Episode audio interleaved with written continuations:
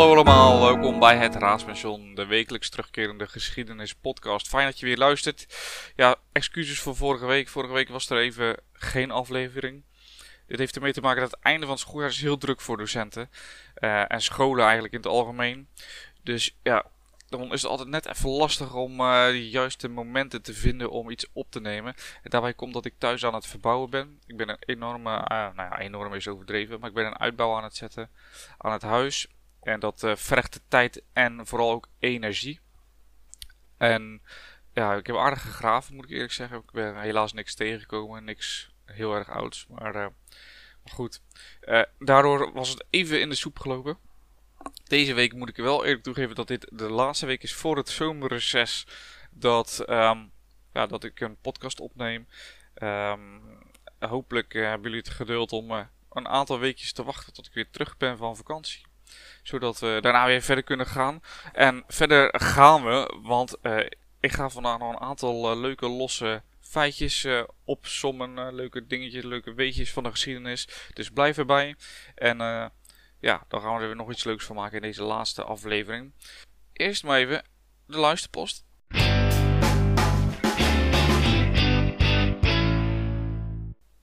Vorige week werd ik benaderd door een dame waar ik al eerder benaderd door ben met een vraag over de holebeer. Er was toen een intacte holebeer gevonden in Siberië.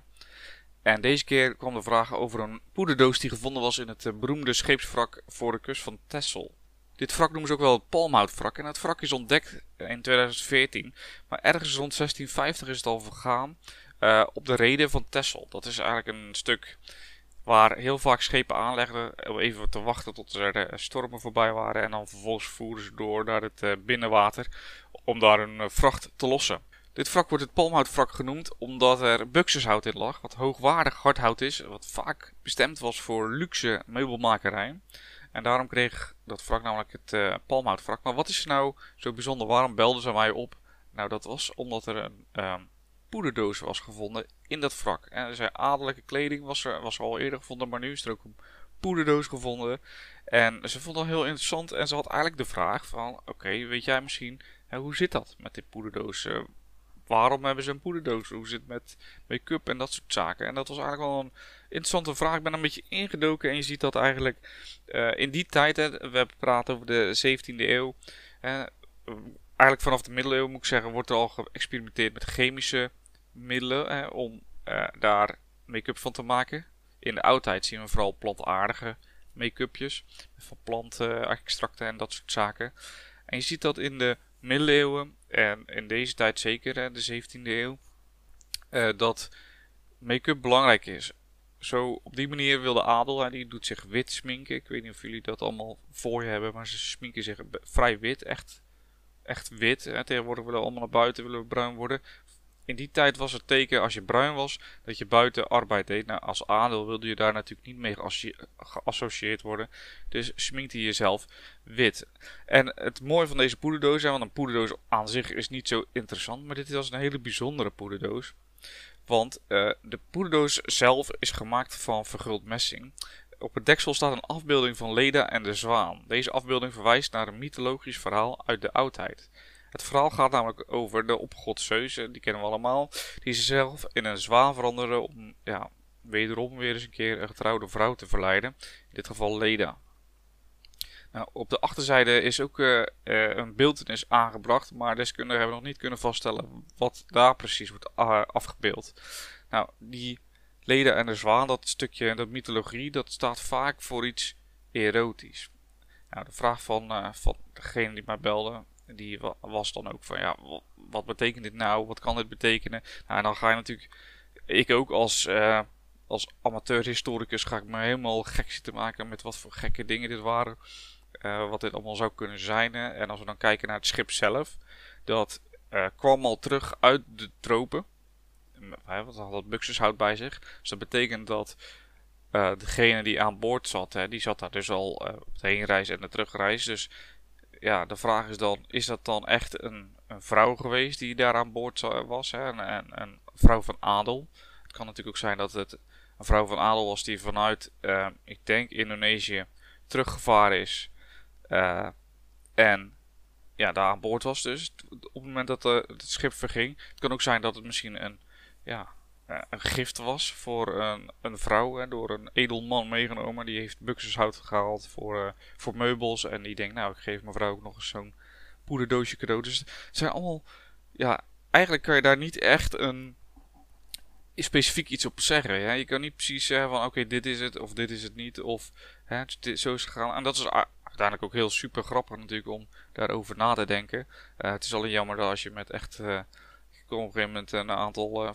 we hebben bevriende historici in een groepsapp. En die kwamen met hele rare theorieën die uiteraard niet klopten. Maar goed, het is wel grappig ik vond het grappig. Ik hoop dat jullie, uh, misschien kunnen jullie zelf ook erover nadenken. En denken jullie van nou, dit, dit moet het zijn. Dit is het geweest. Misschien weten jullie er veel meer van, van het palmoutvak.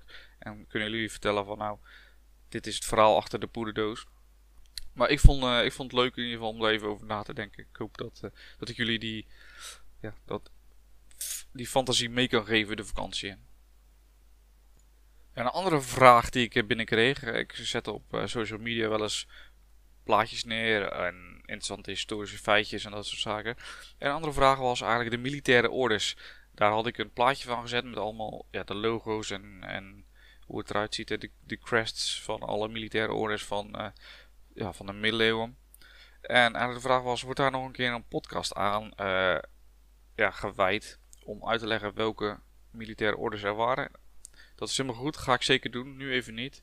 Um, nu, dit is de laatste aflevering, ga ik nu even niet doen. Ik ga, op het moment dat we weer beginnen, ga ik daar zeker een podcast aan wijden. Dus uh, ja, blijf vooral luisteren. En dan gaan we nu over tot het nieuws.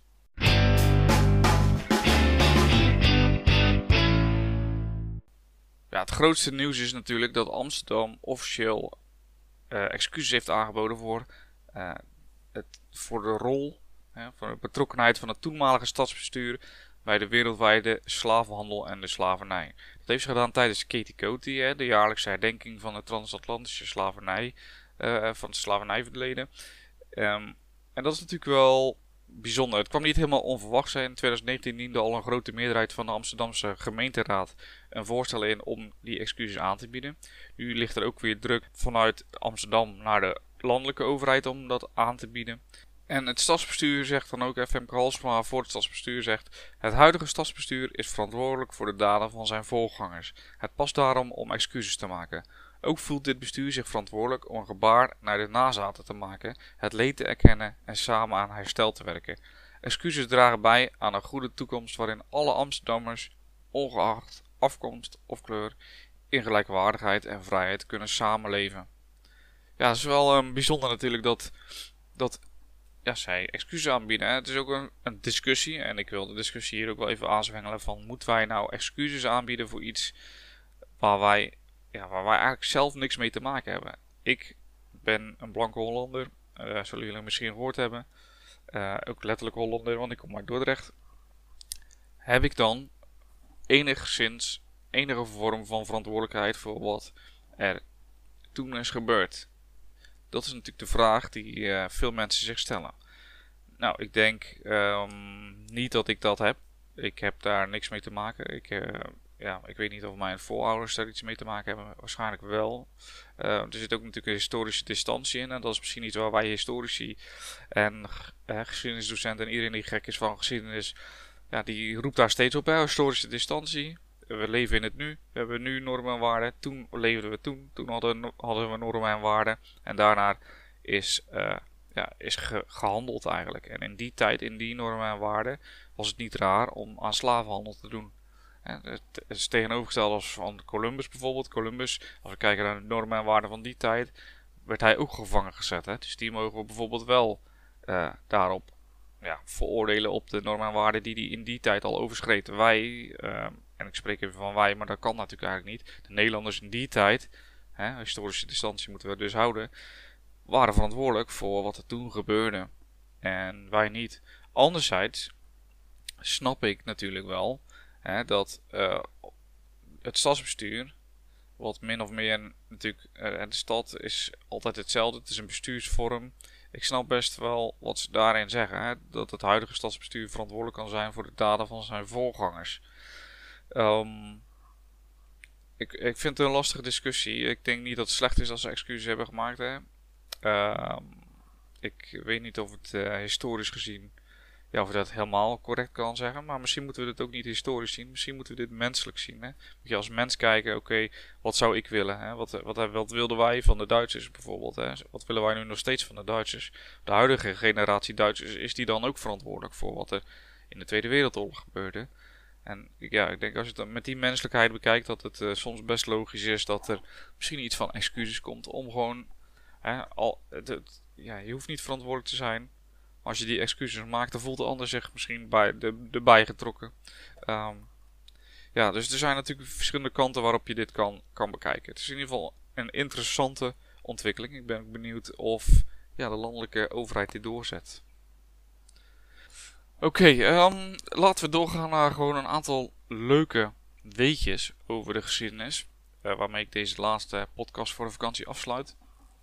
Um, allereerst misschien leuk om te weten hoe oud de middeleeuwers nou eigenlijk werden. De tegenwoordige leeftijd is 79 jaar. Hoe zat dat in de middeleeuwen?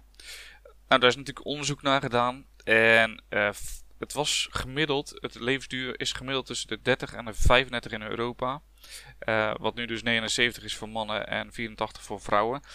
Maar er zit een klein addertje onder het gras. Want als we kijken naar de cijfers en je haalt alle doden die onder de 21 waren, haal je weg, dan zie je dat de rest pas sterft op ongeveer een gemiddelde leeftijd van 65 jaar.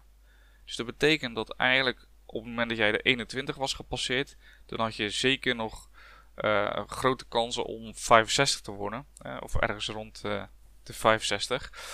En dan zie je dus dat kindersterfte echt wel een probleem was. En dat je dus van 0 tot 21 de grootste kans had om te sterven. En daarna zit je zeker nog 20 jaar veilig.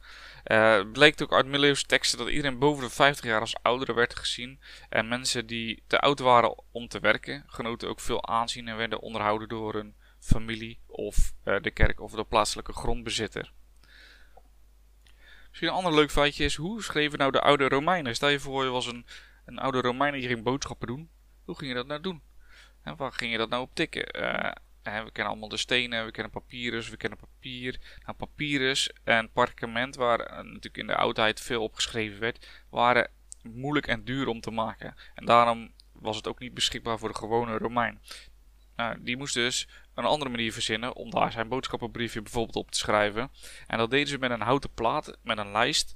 En daarin hadden ze was een dikke laag bijen was. En daarin werd met, met een metalen griffel werd er ingekrast. Dus ze konden ze zeg maar inschrijven. Nou, aan de achterkant van die griffel zat een platte kant, waardoor je als je eventueel fouten maakte, dat door de was natuurlijk kon uh, wegpoetsen. Um, die was was natuurlijk grappig, was was. Die was kon je natuurlijk uh, verwarmen tot ongeveer 50 graden, waardoor het weer zacht en glad werd en dat je dus weer opnieuw kon beginnen. Een soort recycling dus. Ook kinderen op scholen um, gebruikte die was tabletten. En dan misschien een ander interessant uh, stukje. En dat is uh, wie vond de tampon nou eigenlijk uit? Hè? We hebben uh, wel eens gehad over de geschiedenis van de condoom. Maar wie vond nou de tampon uit? Nou, we zien natuurlijk dat, in, dat al duizenden jaren vrouwen soort van tampons gebruiken om een ja, maandelijkse bloeding op te vangen. En de oude Egyptenaren gebruikten papyrus, de Romeinen deden het met wol. Maar begin de 20e eeuw was dat product nog niet echt veranderd. Ze hadden nog niet iets nieuws verzonnen. En eigenlijk in 1929 uh, eh, kwam de Amerikaanse arts Earl Haas uh, eigenlijk iets op het spoor. Hè. Hij hoorde van een vrouw die sponsen gebruikte en gaf dat gaf hem eigenlijk de inspiratie voor de moderne tampon. En zijn variant had, had, ook een draadje. En in principe zeer praktisch. Maar het lukte hem niet om echt verkoop te krijgen. Vrouwen vertrouwden niet, ze waren bang dat ze er ziek van worden. Aan pas toen die, uh, die Amerikaanse arts zijn patent verkocht aan uh, de zakenvrouw Gertrude Tendrich, uh, wist zij de verkoop ja, een, boom, een boost te geven. En zij gaf de tampon dan ook de merknaam Tampax. En uiteindelijk ja, weten we allemaal wat daar natuurlijk van gekomen is. Ja, nou zo heb je weer een aantal leuke weetjes om de vakantie mee in te gaan. Om aan tafel te zitten met een verjaardag en wat wat te spouwen en uh, wat leuks te vertellen. Ik ga denk ik afsluiten, want ja, het is gewoon uh, het, is het einde van seizoen 3. Ik kan er niet omheen. Uh, ik heb seizoen 3 grotendeels alleen gedaan. dat moest ook wel, helaas is mijn, mijn Mattie moest na seizoen 2 stoppen omdat hij bezig was met zijn opleiding en hij kreeg het niet voor elkaar. klein geheimpje nog, hij heeft het nog steeds niet voor elkaar gekregen. Dus kom op Donnie, als je luistert, zet hem op. sluit nou eens eindelijk de, die, die opleiding af en kom gewoon weer lekker podcasten met mij. ik heb seizoen 3 heb ik veel behandeld vaak alleen, soms met anderen. Wat ik super leuk vond, waren dat er soms eh, gasten waren natuurlijk. Eh, ik heb het uh, gehad over Dordrecht, ik heb het gehad over Freddie Mercury, Egypte. ik heb het gehad over de hunebedden. Wat ik interessant vond, altijd interessant vond eigenlijk, was de samenwerking met, met Pascal, de oorlogsveteraan die ja, heel veel afweet van dat soort dingen. En we hebben het gehad over Srebrenica, we hebben het ook gehad. En dat is denk ik het wat ik ja, het meest herinner aan seizoen 3, denk ik, is toch uh, die samenwerking dat we toch vijf afdelingen hebben gedaan over het Midden-Oosten. Het ontstaan, of eigenlijk de geschiedenis van het Midden-Oosten. Dat vond ik super fijn en super leuk om te doen. Het ook echt super gaaf dat ik uh, allerlei reacties kreeg over het, het einde van het jaar. dus bedankt daarvoor. Ik vind het ook leuk dat ik steeds reacties krijg op de podcast. Dat mensen blijven luisteren. Super fijn dat jullie blijven luisteren. En hebben jullie nou vragen, hebben jullie nou opmerkingen of andere zaken? Mail ze dan via geschiedenis.paulushistoricus.nl Je kan ze natuurlijk ook via een van de social media kanalen kan je ze ook kenbaar maken aan mij. En dan is dit de 31ste aflevering van seizoen 3 en tevens dus de laatste. seizoen 4 ga ik gewoon even door. Ik denk nog steeds alleen. Ik, dat denk ik wel. Ik ga kijken of Tony misschien weer tijd heeft om uh, mee te podcasten. Maar het is gewoon heel druk. Ook voor hem. Uh, maar het gaat helemaal goed komen. Dus ja, dat blijven erbij. Um, ik weet niet precies wanneer we weer beginnen. Het zal augustus, begin september zijn.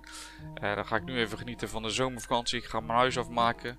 Ik ga dit jaar afmaken. Ik ga het jaar weer beginnen.